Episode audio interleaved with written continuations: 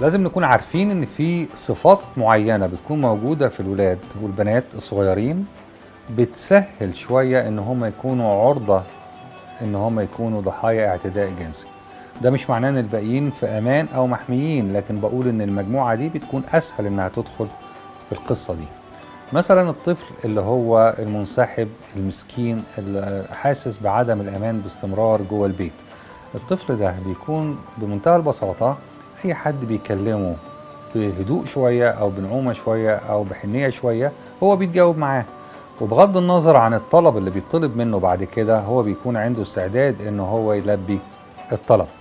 ولادنا لما بيطلعوا في أماكن أو في بيوت محرومة من المحبة ومحرومة من الحنان ومحرومة من التلامس حتى الجسدي الصحي لما بيتاح ليهم التلامس بأي صورة هو ما بيكونش عنده مشكلة. فيه النوع الثاني من الولاد الصغيرين النوع اللي هو ما اتعلمش يقول لا اللي هو نشأ في بيت سلطوي شوية مستبد بيقمع دايما كلمة لا.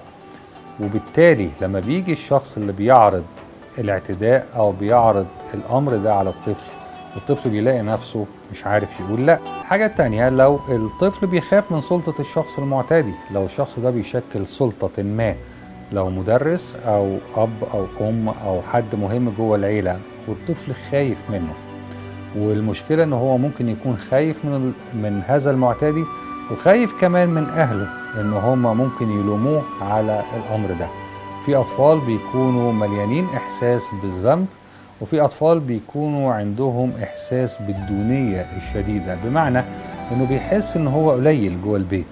وإن هو ملوش مكانة وإن هو ملوش قيمة وإن هو ملوش مكان جوه البيت فبالتالي بيتجاوب مع أي حد بيعرض عليه أي حاجة.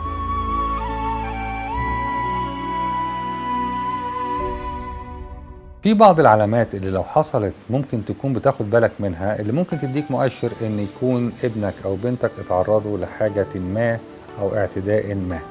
في علامات بتبقى في وقتها وفي علامات بتبقى بعيدة شوية وفي علامات بتبقى على مستوى النمو والتطور.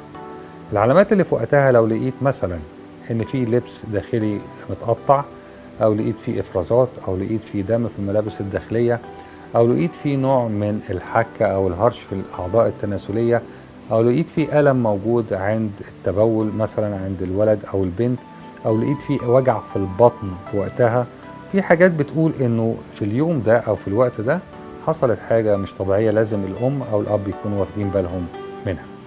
في حاجات بتحصل بعد كده بشوية زي مثلا إن بعض الأطفال بيحصل لها وسواس النظافة.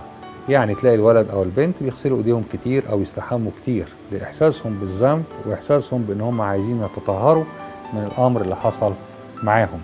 في ولاد وبنات بيدخلوا في اكتئاب وفي تحتها وفي تلعثم نتيجة الأمر اللي حصل معاهم. في ولاد وبنات بيجي لهم أعراض جسمانية تانية زي مثلا الصداع المستمر زي إنه ينام كتير زي إنه شهيته تتسد عن الأكل زي إنه ما يقدرش يتكلم بصورة كويسة زي نوبات للغضب بيدخل فيها باستمرار. وبالذات لما بيكون الشخص المعتدي موجود في المكان حواليه في كل مرة هو بيشوف المعتدي في المكان هو بتتكرر عنده الأعراض اللي سببت له الصدمة دي. الاعتداء الجنسي على الأطفال شيء مؤلم في حياة الطفل. هيفضل طول الوقت مأثر فيه. وللأهل دور كبير في الشفاء. حب ابنك. خليه دايما مطمن لك علشان لما يحصل أي حاجة يجري عليك ويحكي لك. ابنك شايف فيك الأمان والحماية. اوعى تخذله. ولو مش قادر اطلب ربنا واسأل منه الحماية على بيتك وولادك